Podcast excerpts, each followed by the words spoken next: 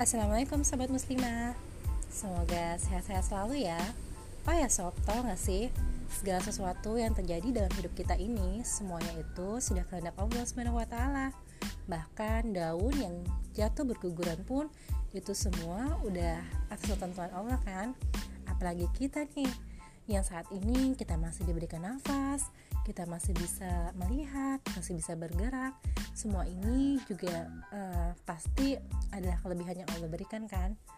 So yuk gali potensi diri kita manfaatkan apa yang kita miliki untuk kebaikan.